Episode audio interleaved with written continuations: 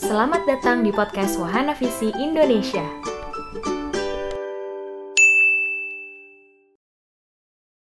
Oke, gimana Mbak Tara kabarnya? Baik, baik. Hari pertama puasa juga ya. Mudah-mudahan uh, semua semua teman-teman di sini juga baik-baik dan sehat-sehat selalu ya. Iya, saya juga mau ngucapin nih ya, uh, apa namanya, selamat menunaikan ibadah puasa bagi teman-teman yang merayakan. Iya. Walaupun di masa pandemi ini kesetiaan beribadah tetap harus jalan ya. Iya. Dan mudah-mudahan tidak tidak menurunkan semangat berpuasanya ya. iya, amin. Salam sehat, tetap semangat. Oke, ya apa? Hmm, mungkin aku perkenalkan diri dulu. Jadi teman-teman semua, uh, aku uh, Gracia dari tim Wahana Visi Indonesia dan saat ini kita uh, bersama dengan uh, Mbak Tara. Dia adalah seorang clinical psychologist. Jadi kita hari ini akan membahas tentang bagaimana kita bisa turn our anxiety to positivity. Jadi seperti yang kita tahu di masa-masa seperti ini, masa-masa yang cukup sulit uh, buat semuanya.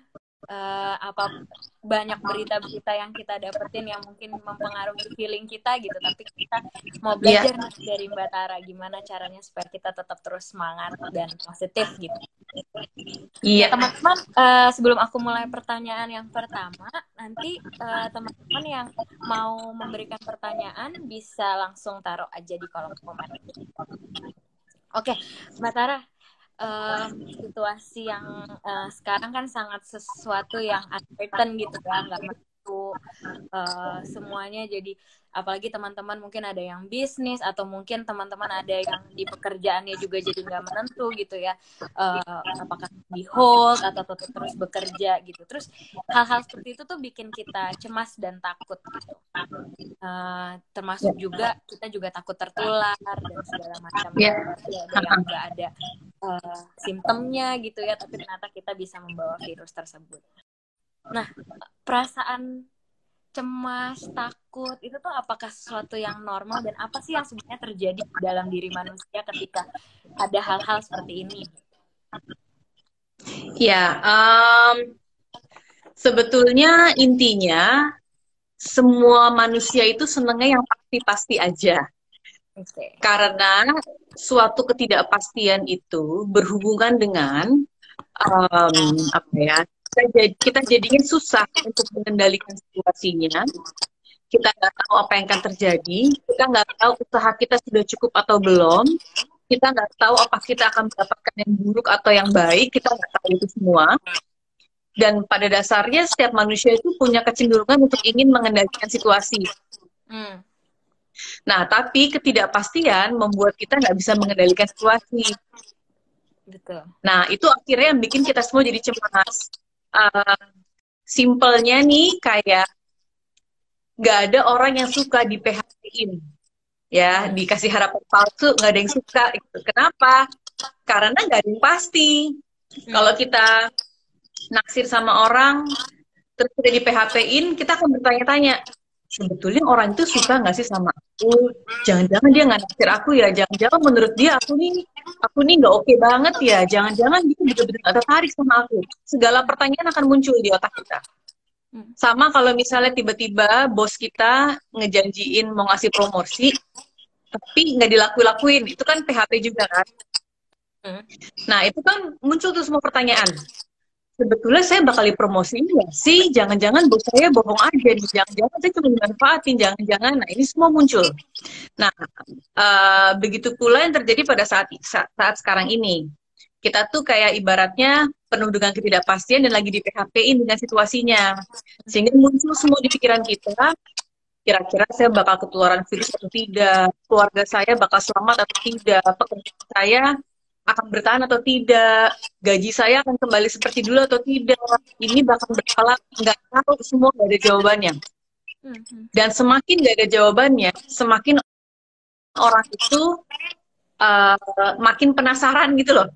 Mm-hmm. Karena nggak ada jawabannya, orang jadi jadi makin kepo, makin pengen tahu kenapa sih aku nggak dapetin jawabannya gitu.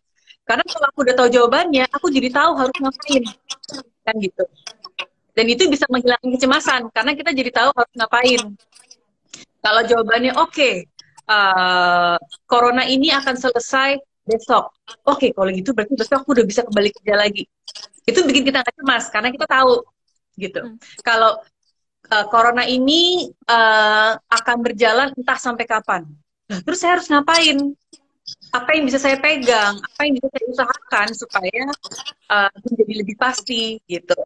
Nah, itu sebabnya dalam situasi sekarang kalau misalnya banyak teman-teman yang merasa cemas, merasa stres, merasa takut, menurut saya normal ya karena nature-nya orang selalu pengen sesuatu yang pasti, mau gaji pasti, mau tangan pasti, mau pekerjaan pasti.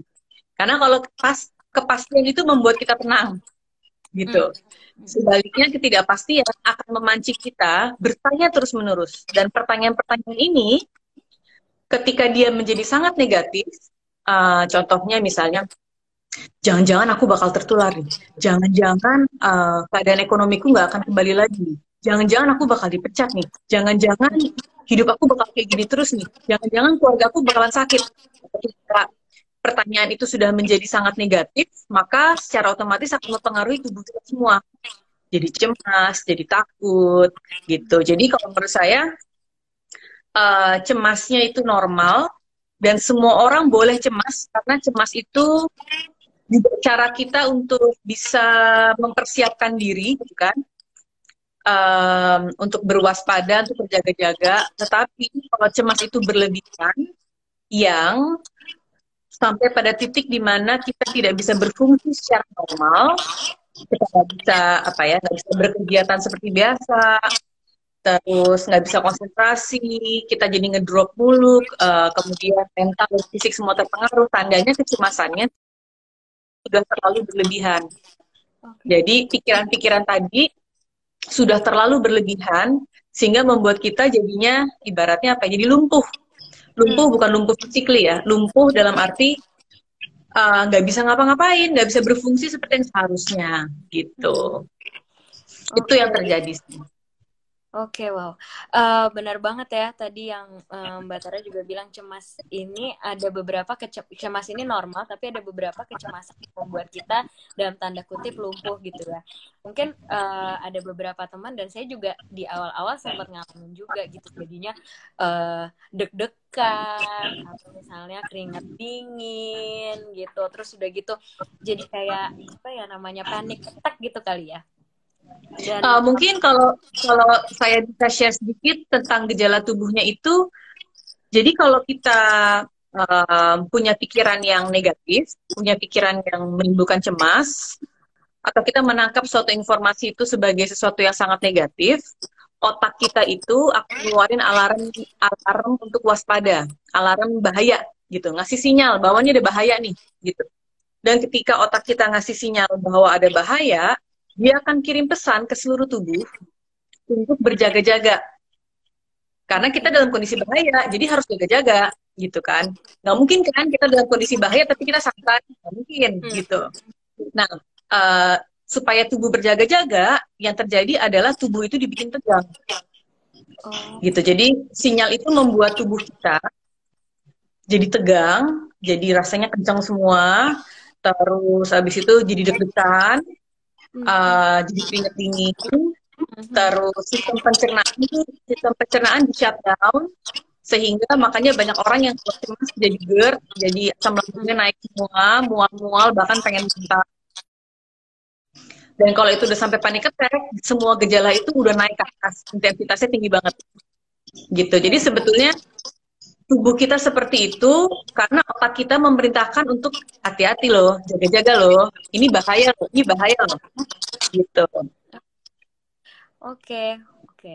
Nah, uh, hal itu kan sebenarnya pada akhirnya itu tadi ya membuat kita lumpuh gitu. Nah, menurut uh, dari Mbak Tara sendiri nih, gimana sih caranya supaya tadi ada juga yang nanya, gimana caranya supaya kita menjadikan tidak menjadikan kecemasan kita ini menjadi sesuatu yang pada akhirnya negatif gitu. Oke, okay. jadi um, kalau tadi tubuh kita sudah terlanjur tegang, karena sudah terlanjur cemas, tubuhnya sudah terlanjur tegang, maka yang perlu kita lakukan adalah kita harus membuat tubuhnya stabil dulu, gitu. Um, kenapa harus membuat tubuhnya stabil dulu? Karena dengan tubuh yang sudah tegang, pikiran yang terlalu yang sangat negatif, mau dirubah ke positif nggak mungkin semudah itu, gitu. Karena negatifnya terlalu kuat, positifnya belum sekuat itu, gitu. Jadi sebetulnya yang bisa dilakukan adalah mencoba untuk membuat tubuh yang tegang itu menjadi sedikit lebih rileks dulu. Oke. Okay. Ya dengan cara ya misalnya simpelnya breathing, relaksasi, kemudian melakukan hal-hal yang mungkin menyenangkan supaya ketegangannya turun dulu. Begitu ketegangan ini sudah turun, baru di sini kita bisa merubah cara berpikir kita. Gitu. Karena kalau dari positif langsung dirubah ke negatif, itu kayak bertentangan, terlalu bertentangan gitu. Karena positif negatifnya bisa jadi jauh lebih kuat daripada positifnya. Jadi positifnya itu kalah terus. Kita mencoba mikir positif tapi kalah melulu gitu. Oh, enggak lah, semua baik-baik aja. Tapi kalau nggak baik-baik gimana? Enggak lah, hmm. sakit aja. Tapi kalau sakit gimana? Gitu kan? Dan gimana pun juga tubuh kita pasti akan lebih bereaksi sama sesuatu yang yang negatif atau sesuatu yang buruk daripada sesuatu yang baik gitu. Hmm, hmm, hmm. Jadi uh, mau nggak mau tubuhnya harus relax dulu, harus dibuat lebih nyaman. Kalau sudah tenang, baru nanti uh, pikirannya jadi lebih baik gitu. Oke, berarti harus menenangkan tubuh dulu ya. Tadi breathing ya, breathing. Salah satunya adalah breathing. Jadi kalau kita mau menenangkan tubuh itu, otak kita harus difokusin pada satu hal yang netral. Karena kan tadinya otaknya penuh dengan pikiran negatif nih. Ya. Nah, supaya tubuhnya bisa tidak tegang, maka harus fokus pada sesuatu netral. Sesuatu netral itu apa? Sebetulnya banyak. Um, bisa melihat ini, oh di kamar saya ada ini ya uh, warna biru gitu ada kordennya terus di depan saya bisa lihat di luar jendela ada itu kan itu sesuatu netral kan atau lewat breathing karena breathing itu netral mau mau pikiran kita mikirinnya cuma tentang nafas hmm. gitu jadi pikiran-pikiran negatif yang lagi kita pikirin jadi ke distract sehingga difokusin ke nafas gitu. Nah, ketika kita berpikir sesuatu yang netral, dia jadinya lebih rileks, lebih rileks. Karena alarm otak yang bilang bahaya, jadi nggak melihat itu lagi. Karena kita udah udah ganti pikiran seperti itu. Oh, oke. Okay. Nah, uh, Mbak Tara, kadang-kadang nih ketika kita curhat sama orang lain tadi kan Batara juga sempat bilang kalau uh, me merubah uh, anxiety itu menjadi suatu hal yang positif itu juga nggak semudah itu gitu ya. Nah, terus kadang-kadang orang tuh kalau misalnya kita curhat sama orang yang mungkin lebih tenang dari kita, dia tuh selalu kayak, udah nggak usah dipikirin, jangan khawatir gitu. Kayak seakan-akan ya gampang aja gitu ngomongnya gitu. Nah, apakah yeah. memang uh, untuk menghilangkan itu jadi kayak ya udahlah nggak usah khawatir gitu. Menghilangkan istilahnya menghilangkan kenyataan itu kan seakan-akan mereka nyuruh kita untuk ngilangin aja tuh kenyataan itu gitu ya. Nah apakah memang yeah. menghilangkan kenyataan itu dengan berusaha keras menghilangkan kenyataan itu adalah sesuatu yang emang benar-benar benar gitu untuk kita lakukan? Apakah sehatkah itu atau seperti apa? Menurut saya dibilang benar atau tidak uh, bergantung dari masing-masing orang. Hmm um, karena setiap orang itu punya apa ya punya cara berpikir positif sendiri yang bisa membantu dia berbeda-beda. Artinya kalau si A bilang udahlah nggak usah dipikirin tenang aja itu membantu dia apa. Hmm. tetapi belum tentu itu bisa membantu orang lain hmm. Hmm. karena orang lain nggak bisa berpikir seperti itu mau dipaksain pikir begitu juga kalau kalau informasi itu nggak ada dalam otaknya dia dia nggak akan bisa terima hmm. gitu pasti akan mental um, nah jadi kalau menurut saya apakah itu sehat atau tidak balik lagi jadi bergantung sama orangnya kalau menurut dia itu menolong dia nggak ada masalah tetapi itu bisa jadi tidak menyelesaikan masalah hmm. Ibaratnya kita lagi melakukan denial jadinya menyesal aja karena me menyangkal itu bisa jadi mungkin lebih lebih lebih nyaman buat banyak orang daripada mengakui kenyataan itu saya sangkal aja deh bahwa kenyataan itu tidak ada kan. Tetapi uh, kalau seseorang lagi dalam keadaan cemas uh, penuh dengan ketidakpastian yang dia butuhkan sebetulnya rasa aman. Okay. Jadi mungkin kalau kita sebagai temannya yang ingin membuat teman kita nggak cemas, kita perlu tanyakan apa yang bikin kamu cemas. Hmm. Apa pun kecemasan kamu itu normal. Kalau kamu butuh, saya ada di sini untuk bisa membantu kamu. Gitu. Itu menurut saya lebih lebih bisa diterima daripada kita mencoba memaksakan pikiran positif kita ke orang lain yang belum tentu orang itu merasakan. Dan kalaupun kadang-kadang gini, kita kita ngasih kita coba coba kasih masukan positif ke orang lain, orang lain nggak mau dengar itu bikin kita gondok bikin kita kesel kan kayak kenapa sih nggak bisa mikir kayak gitu tinggal mikir kayak gitu sama gitu kan bikin kita gondok tapi um, jadi setiap orang itu udah punya banyak banget informasi di dalam otaknya hmm. termasuk informasi positif dan informasi negatif hmm. Informasi yang kita punya berbeda dari informasi yang orang punya. Hmm. karena otak kita isinya berbeda gitu kan. Kalau orang itu punya informasi positif bahwa ya udah segala sesuatu jalanin aja lah nggak usah dipikirin. Buat dia mungkin nggak seperti itu gitu. Hmm. buat dia mungkin berbeda karena sumber hidup dia ini pernah mengalami yang seperti itu misalnya gitu nah jadi sebetulnya bisa kita lakukan malah kita ajak dia untuk memancing pikiran positif apa yang mungkin bisa membantu dia contoh misalnya menurut kamu dengan kamu pikir seperti ini itu membantu kamu atau tidak ya? Kira-kira kamu bisa berpikir seperti apa yang mungkin bisa membuat kamu jauh lebih baik. Jadi kita pancing dia supaya pikiran positifnya muncul sendiri. Supaya informasi positif yang ada dalam otaknya itu kepanggil sendiri. Hmm. Gitu.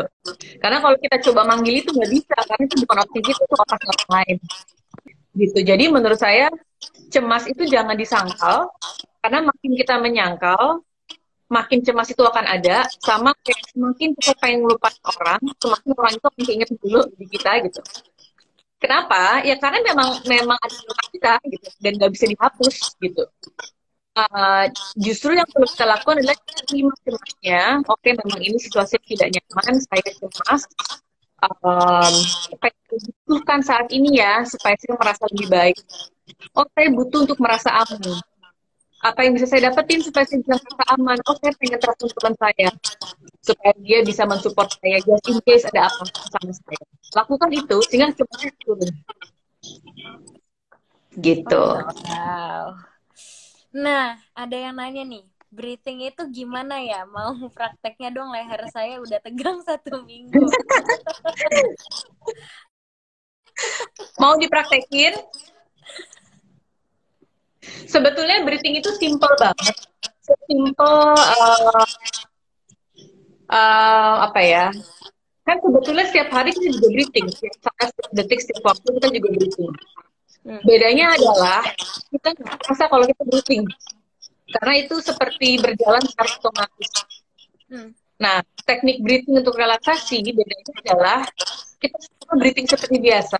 Hanya saja kita rasain kita fokusin ke situ gitu um, sesimpel dengan kita tarik nafas biasa um, pada saat kita tarik nafas karena kita mau fokusin pikiran ke nafas bener-bener rasain ada angin di dalam hidung sampai angin itu bisa kerasa loh di atas ini gitu ya terus nanti kalau sudah buang nafas dan rasain aja pada saat buang nafas di mulut misalnya ada angin yang keluar dari mulut, angin hangat itu kita rasain.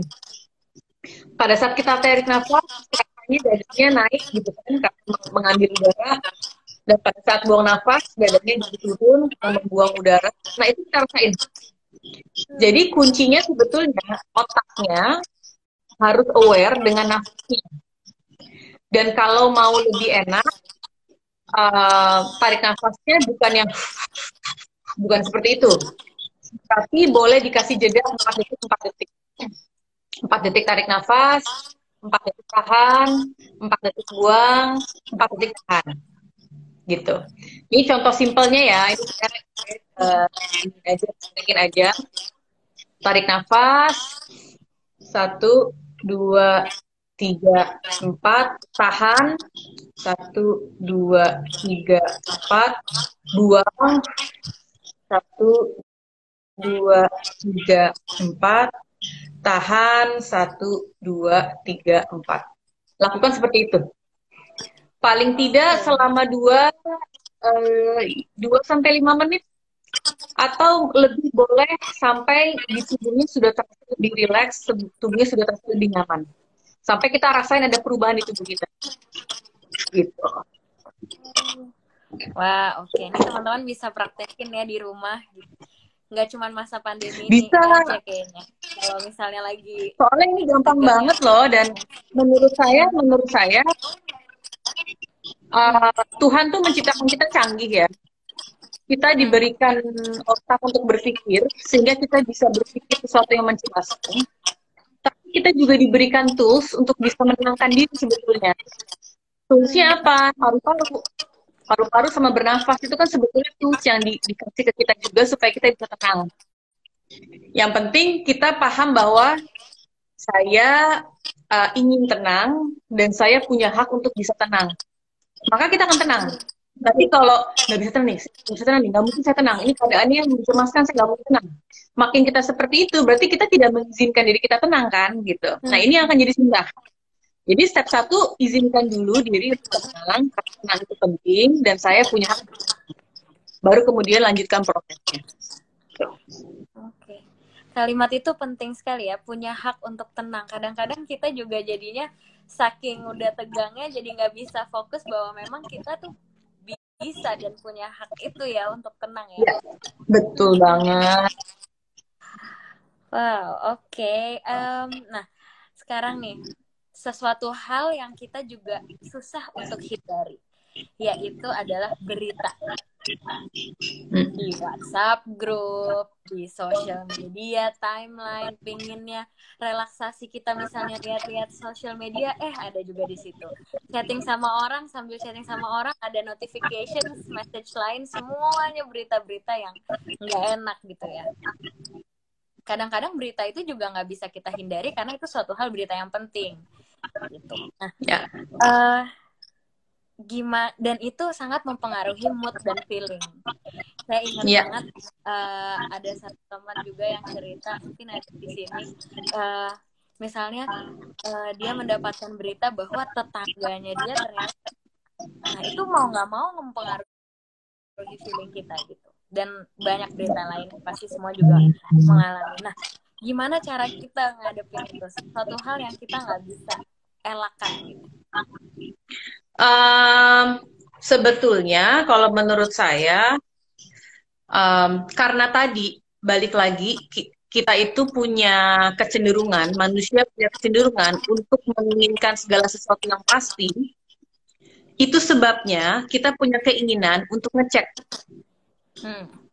sama kayak sama kayak kalau kita lagi naksir sama seseorang terus um, kita pengen tahu dia itu mikirin kita atau enggak, yang kita lakukan apa?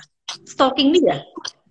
Dikit-dikit cek mulu, cek mulu, dia udah ngapain ya? Ih, dia ngeliat dia ngeliat IG ku enggak nih? Dia dia mau WhatsApp ku enggak ini nih gitu misalnya. Hmm. Nature-nya begitu. Jadi sebetulnya kita tetap punya pilihan sih mau ngecek atau tidak.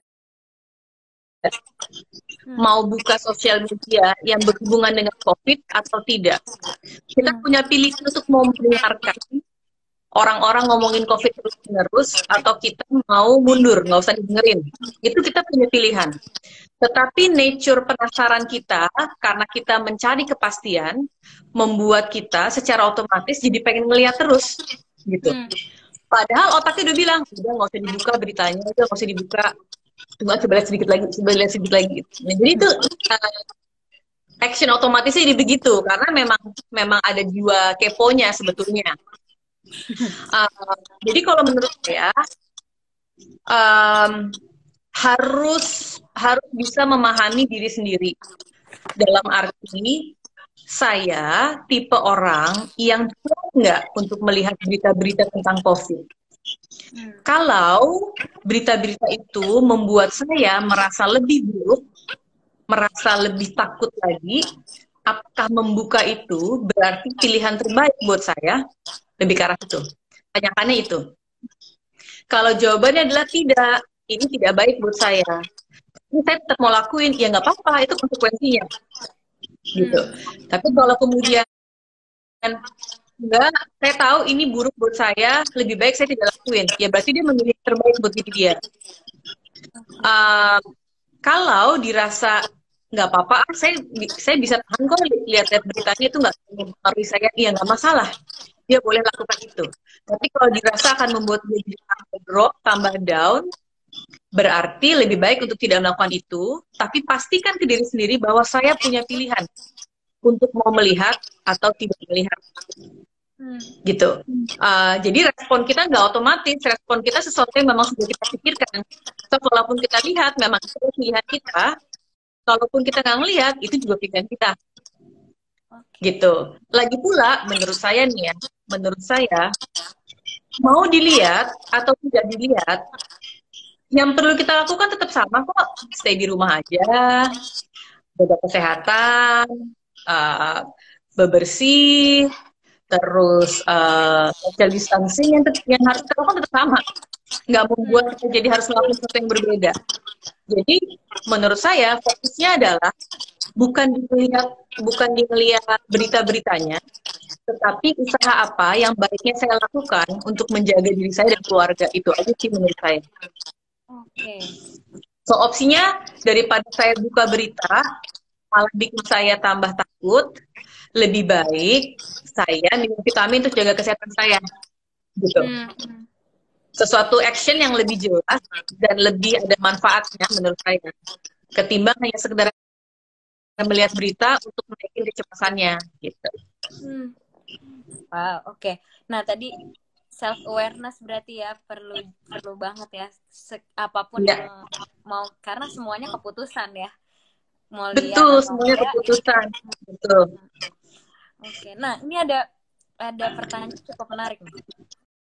Kenapa kondisi di rumah Anda bikin kebiasaan buruk yang udah hilang kembali lagi? Apakah itu termasuk gangguan mental health? Kenapa kondisi di rumah aja bikin kebiasaan buruk yang udah hilang kembali lagi? Um, kalau saya rasa ada beberapa kemungkinan. Hmm. Kebiasaan buruk itu sebetulnya belum hilang. Kebiasaan buruk itu ditekan di repress. Sehingga dalam keadaan tertekan, dia jadinya nongol lagi. Karena kalau misalnya um, apa namanya kebiasaan buruk itu sudah hilang, kita sudah tidak akan melihat kebiasaan buruk itu sebagai sesuatu yang penting lagi. Hmm. Jadi mau dilakuin nggak dilakuin itu doesn't matter. Hmm. Tapi kalau sebetulnya ini ibaratnya kayak gini ya, ibaratnya apa ya? ibaratnya uh, saya suka ngemil misalnya gitu ya ibaratnya kebiasaan buruknya adalah ngemil kalau saya sudah merasa bahwa ngemil itu nggak baik buat saya dan saya secara secara mandiri bilang bahwa saya nggak mau ngemil lagi dan itu tidak membuat saya terganggu maka kebiasaan buruk itu bisa hilang.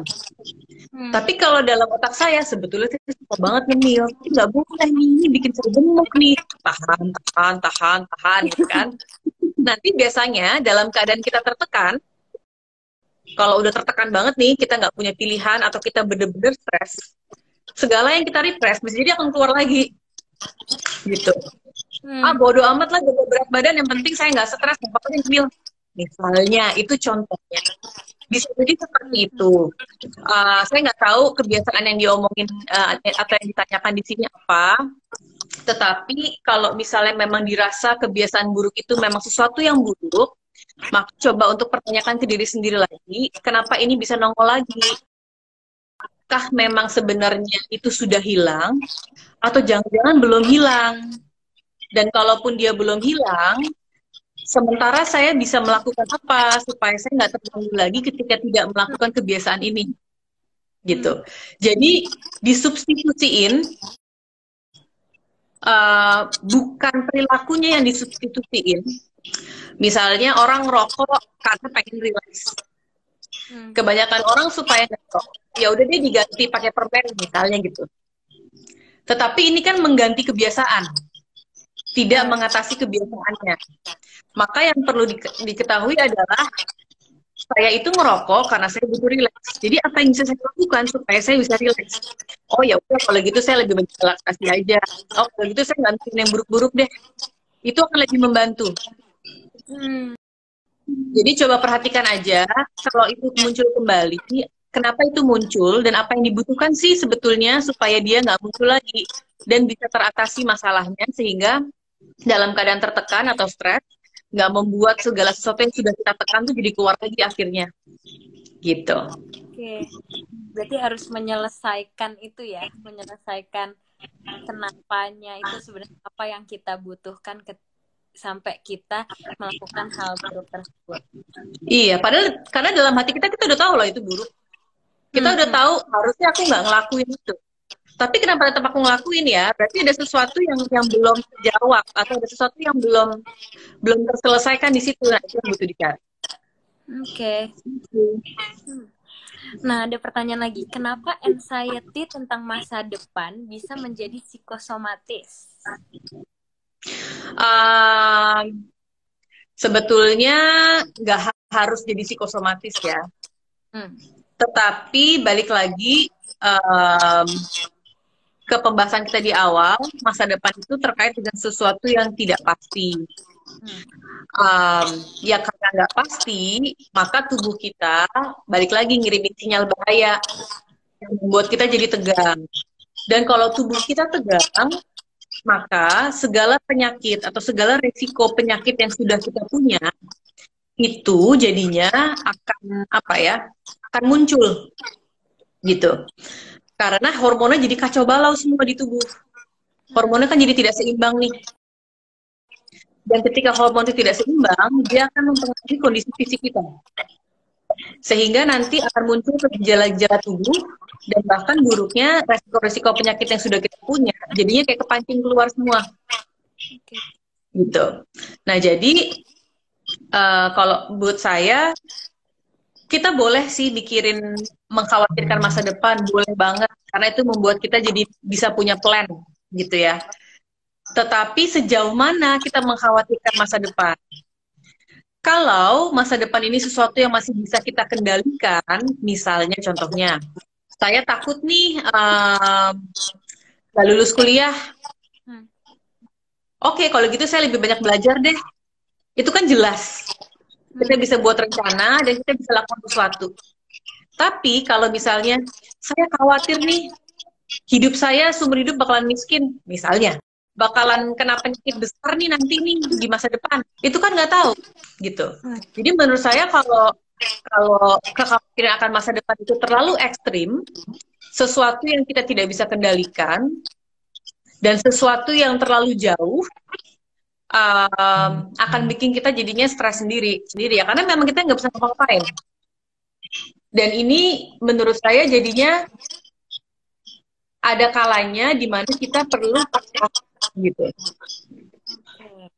Tidak bisa segala sesuatu mau kita ambil, tidak bisa mau, kita kendalikan semua nggak bisa karena memang ada hal-hal yang di luar kendali kita. Yang bisa kita lakukan cuma usaha yang terbaik, sisanya ya udah lepasin aja gitu. Yang penting saya udah usaha gitu. Jadi tetap perlu yang namanya pasrah ya terkadang. Ya. Buat saya, buat saya pasrah itu uh, buat saya pasrah itu cukup penting. Tapi semua harus ada dalam kadarnya ya. Uh, eh, okay. Jadi kalau segala sesuatu juga kita pasrahin, tandanya kita nggak mau usaha. Iya betul. Ya udah buat apa saya pinter-pinter belajar? Toh bisa tergantung Tuhan misalnya gitu ya. Hmm. Gak bisa juga gitu. Tetapi kalau enggak, saya harus, pokoknya saya bisa, saya harus mampu, nggak boleh nggak terjadi, harus begini, harus begitu, ya nggak bisa juga. Karena ada hal juga nggak bisa dalam kendali dia. Jadi semua harus balik ke tengah-tengah. Yang bisa dikendalikan, dikendalikan. Yang nggak bisa dikendalikan, itu yang perlu dilepaskan. Gitu. Jadi lakukan segala sesuatu yang sebenarnya masih ada di dalam kendali kita ya. Tetap terus berusaha, ya. tapi ada beberapa hal yang harus kita sadari kalau udah di luar daripada kendali kita ya kita coba bukan itu gitu ya. Iya, betul. Oke. Nah, uh, oh ini nih. Mungkin nggak ya seseorang yang bosan di rumah terus karena jaga jarak ada hubungannya dengan anxiety? Uh, bisa bisa jadi karena sumber kecemasan orang kan beda-beda. Hmm. Ada yang sumber kecemasannya tertular virus. Hmm. Ada yang sumber kecemasannya pekerjaan nggak stabil. Hmm. Ada yang sumber uh, kecemasannya misalnya um, tentang ekonominya. Hmm. Ada yang sumber kecemasannya karena jadi menjauh sama teman-temannya. Gitu. Hmm. Uh, apa yang menjadi sumber kecemasan adalah sesuatu yang kita butuhkan. Jadi contohnya maksudnya gini. Kalau saya butuh untuk sehat supaya saya bisa kerja, maka saya jadi cemas kalau saya akan sakit kalau buat saya, mendapatkan pekerjaan yang bagus itu penting. Maka saya jadi khawatir ada apa-apa sama pekerjaan saya. Hmm. Kalau saya khawatir bahwa orang-orang tidak suka sama saya, maka saya jadi akan cemas. Setiap orang lain tidak, setiap orang lain mengacukan saya, gitu. Hmm. Jadi sumber cemas itu sebetulnya muncul dari apa yang penting buat kita. Yang kita pentingkan itu pasti akan menimbulkan kecemasan. Yang nggak penting pasti nggak akan kita cemasin ya, gitu. Um, jadi kalau tadi pertanyaannya jauh dari teman-teman bisa menimbulkan anxiety bisa jadi buat uh, berhubungan dengan orang tidak ada jarak um, punya produktivitas. Ini adalah hal-hal yang penting buat dia. Jadi ketika ini tidak terjadi, akhirnya jadi cemas. Gitu.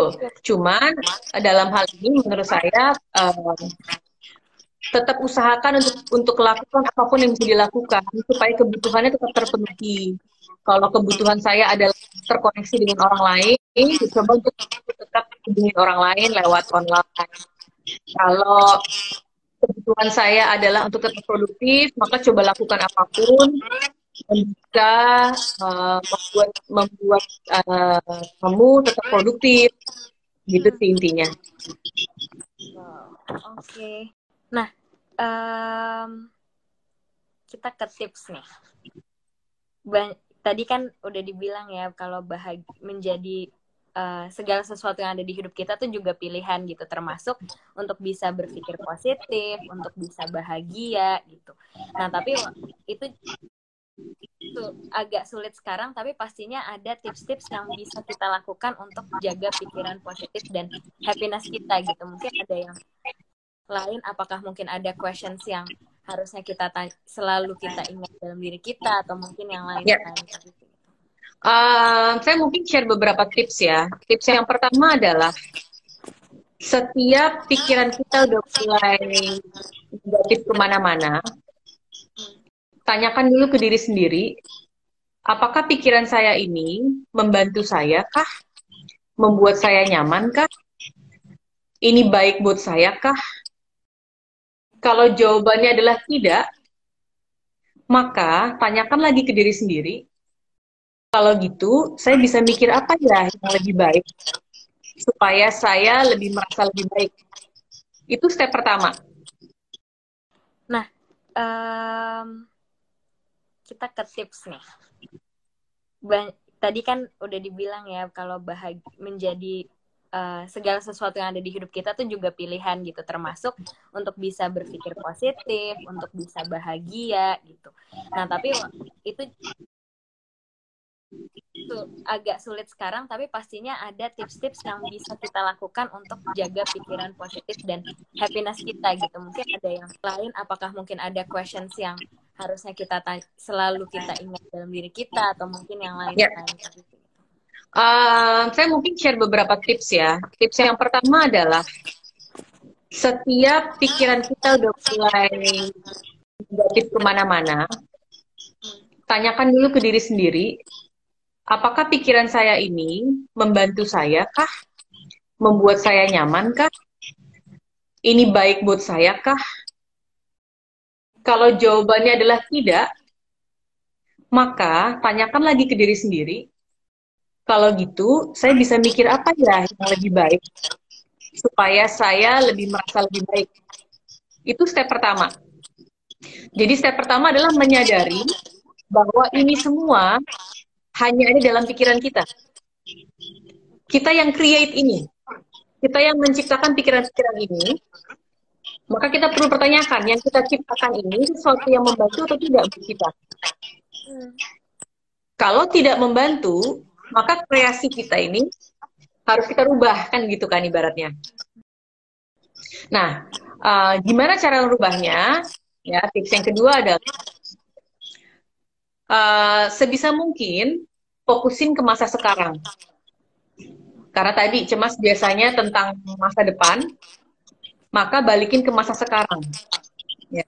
Perhatikan apa pun yang ada di sekeliling sekarang, apa pun yang bisa disyukuri, apa pun yang bisa dihargai di masa sekarang ini, sehingga fokusnya baliknya ke masa sekarang. Contoh, saya takut tertular virus. Tapi saat ini saya masih baik-baik saja. Saat ini kondisi saya masih baik. Saya takut keluarga saya akan tertular. Tapi saya tahu saya bersama dengan keluarga saya, kita menikmati kualitas hutan dan saya tahu mereka juga sehat saja. Pekerjaan saya akan kacau balau. Tapi saat ini saya masih bisa mengerjakan sesuatu yang berguna buat saya. Hmm. Gitu. Jadi balikin ke masa sekarang. Uh, kemudian yang ketiga, um, sadari bahwa kalau kita bisa berpikir negatif, maka kita juga perlu mencari kemungkinan lain yang juga positif. Okay. Kalau saya bilang ke diri sendiri, saya pasti tertular virus, maka pasti ada kebalikannya belum tentu saya tertular virus. Kenapa? Karena kalau kita cuma mikirin negatifnya doang, nggak adil dong buat kita. Hmm. Masa ada dua kemungkinan dipilih cuma satu doang? Iya. Kan kan adil gitu kan? Uh, kalau uh, hidup saya berantakan, maka kemungkinan lain adalah bisa jadi hidup saya akan baik-baik saja. Gitu. Hmm. Jadi jangan cuma fokus pada satu kemungkinan aja, karena itu akan jadi tidak adil buat buat teman-teman semua, gitu. Um, terus yang ketiga, um, salah satu cara berpikir positif adalah memberikan doa dan harapan. Jadi kalau kita punya pikiran yang sangat negatif, jangan cuman berhenti di situ saja, tapi tambahkan dengan doa dan harapan. Misalnya,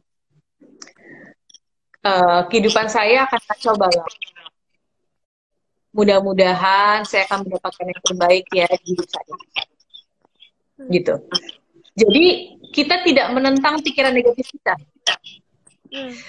Uh, kuncinya, kuncinya kalau kita mau mau bisa bisa berpikir positif, kuncinya adalah bukan menentang pikiran negatif loh. Karena menentang itu sama aja dengan kita mau menyangkal itu. Hmm. Tapi kuncinya lebih ke arah kita mencari hal-hal yang lebih real, yang lebih masuk akal, atau yang bisa membuat kita punya opsi lain. Jadi bukan berarti kayak saya pasti sakit, enggak, saya pasti saya. Itu kan menentang. Hmm. Hmm. Kalau menentang yang ada nanti pasti berantem. Si positif dan negatif itu jadi berantem. Kayak dua kubu magnet yang berbeda akan mental-mental terus. Kayak angel lagi berantem sama devil. Keroyokan terus. Tinggal lihat siapa yang menang. Kalau menurut saya yang menang pasti devil. Gitu. Jadi uh, apa namanya ya jadi tadinya doa dan harapan doa dan harapan tidak menetap tapi kita menimbulkan harapan baru melihat pada kemungkinan yang positif itu kan tidak ada kemungkinan negatif ada juga kemungkinan positif balik ke masa sekarang itu kan tidak menentang.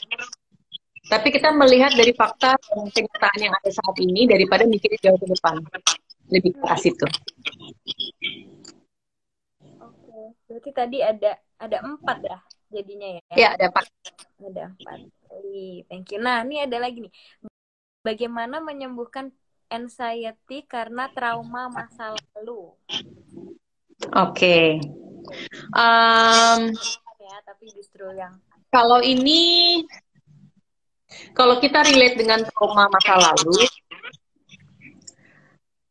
itu tidak sesimpel kita mengatasi kecemasan biasa. Karena kita perlu tahu dulu traumanya itu apa, peristiwa apa yang membuat jadi trauma, terus kejadian itu membuat kamu berpikir apa, uh, kejadian itu membuat kamu merasa apa, um, itu yang perlu kita cari tahu dulu. Nah, tapi kuncinya adalah selalu ingat bahwa apa pun yang ada di masa lalu, stay di masa lalu. Meskipun, meskipun kesannya keadaan yang sekarang mirip, tetapi masa lalu dan masa sekarang sudah pasti berbeda. Apanya yang berbeda? Situasinya bisa berbeda, kitanya sendiri berbeda. Hmm. Contoh misalnya gini, misalnya gini ya. Dulu waktu masih kecil, SD, digigit anjing. Ya. Sehingga ini udah dewasa nih, udah dewasa, udah umur uh, 20-30 tahun, setiap ngelihat anjing, kabur. Hmm. Karena ngerasanya pasti akan digigit sama anjing itu. Hmm. Tetapi perhatikan bahwa situasi yang sekarang tetap saja berbeda dari masa lalu. Kalau dulu masih kecil, mungkin eh, nggak uh, bisa ngelawan karena ya masih kecil, gitu kan? Tapi sekarang situasinya sudah besar, so harusnya kita punya punya kekuatan untuk bisa marahin anjing itu, atau kita bisa uh, lari, misalnya kita bisa kabur, atau lihat dulu anjingnya seperti apa. Apakah memang anjing yang kira-kira akan ngegigit atau jangan-jangan anjing yang anjing yang lucu, anjing yang sebetulnya yang kita sayang-sayang gitu. Jadi meskipun ada hal-hal yang mirip, tetap aja yang di masa lalu, stay di masa lalu, dan itu akan berbeda dengan situasi sekarang. Kalau orang traumatis ngerasanya apa yang di masa lalu itu pasti sama terus dengan masa sekarang dia nggak bisa membedakan yang yang masa lalu sama masa sekarang. Apa yang dia takutin di masa lalu pasti dirasanya akan terjadi di masa sekarang. Padahal belum tentu karena situasinya sudah pasti berbeda dan kalau mau ngatasin trauma itu kita perlu menyadari perbedaan itu, perbedaan dari yang masa lalu dengan sekarang. Gitu. Oke, okay. jadi benar-benar harus ditanyain juga, ditanyain ya kejadian yang masa lalunya juga penting juga untuk kita selesaikan juga ya berdamai dengan masa lalu itu juga ya. cukup penting beberapa kasus memang kejadian masa lalunya itu sangat-sangat traumatis sehingga biasanya butuh psikoterapi dulu untuk kita memproses itu supaya nggak lagi mengganggu gitu tapi kalau misalnya apa yang bisa dilakukan sekarang adalah itu tadi memisahkan masa lalu dan masa sekarang dan lihat apa yang berbeda dari masa lalu dan masa sekarang gitu. Hmm. Oke. Okay.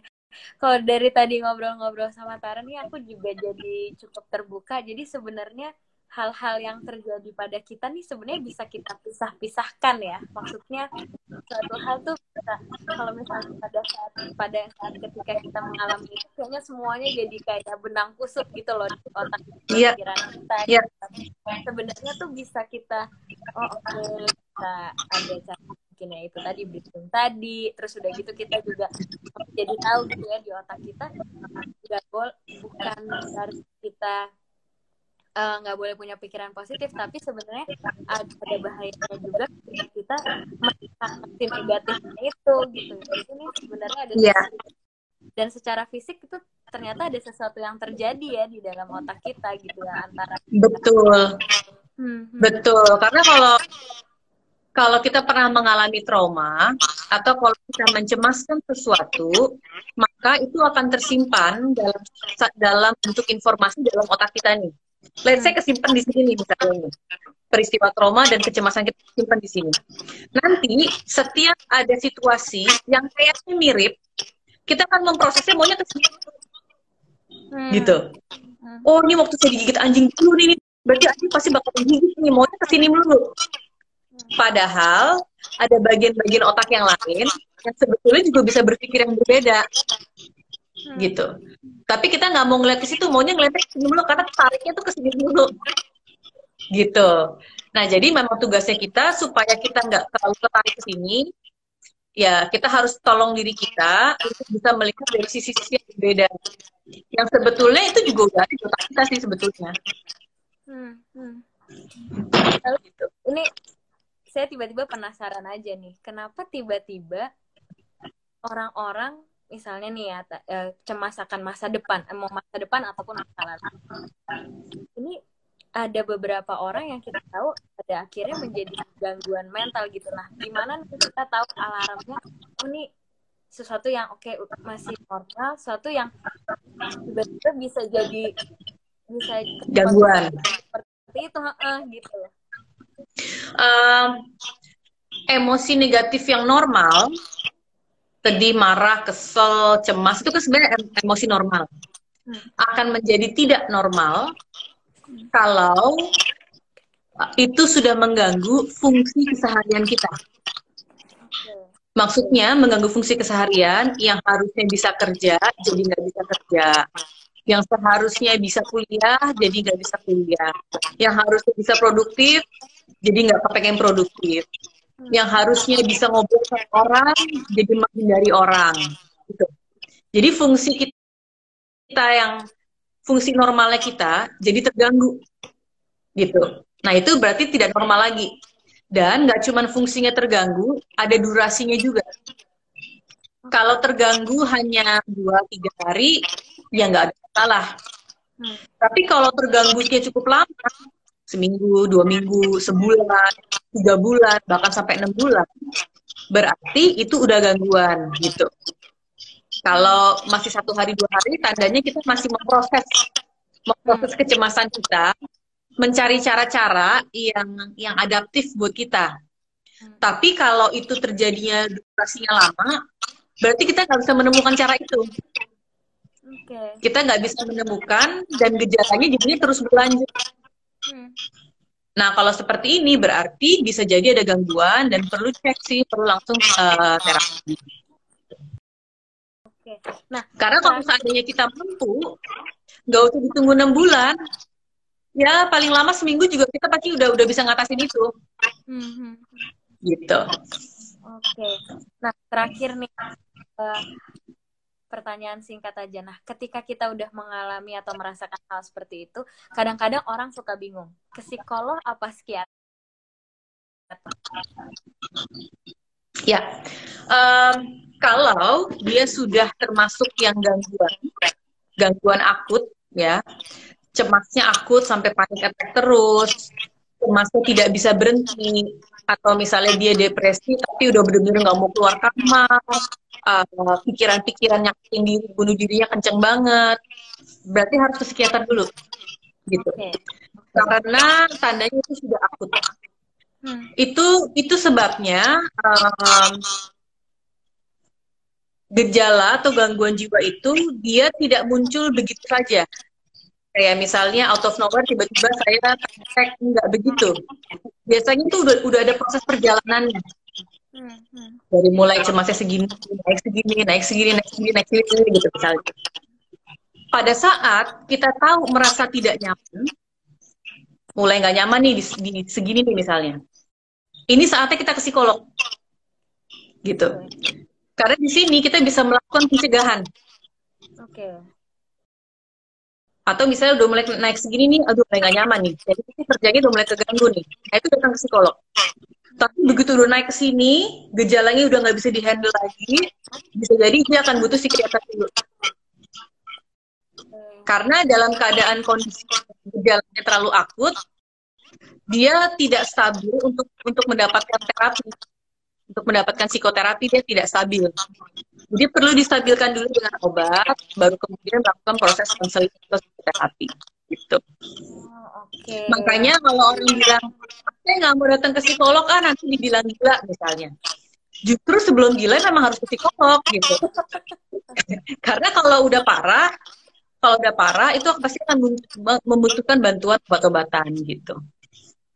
Oke, wow, thank you, thank you banget Tara. Jadi kita sekarang udah mulai tahu juga ya selain yang tadi gimana cara untuk berpikir positif kita juga pentingnya ke psikolog sebenarnya itu ya ya sebelum gila ya justru butuh untuk dicegah dulu gitu baru iya betul. Oke. Nah sebentar lagi udah satu jam biasanya IG live akan mati dengan sendirinya. Oh iya iya. Sebelum itu berarti kita mau tutup dulu um, bahas kita malam hari ini sebelum mati secara otomatis. Uh, makasih banget uh, untuk bahasannya sangat berguna sekali buat kita semua dan terima kasih juga teman-teman yang udah banyak bertanya. Semoga apa yang kita bahas membantu dan ini akan kita rekam akan kita masukin ke IGTV kita dan ke YouTube juga. Tuh. Thank you Gracia udah diundang. Pesan ini disampaikan oleh Wahana Visi Indonesia.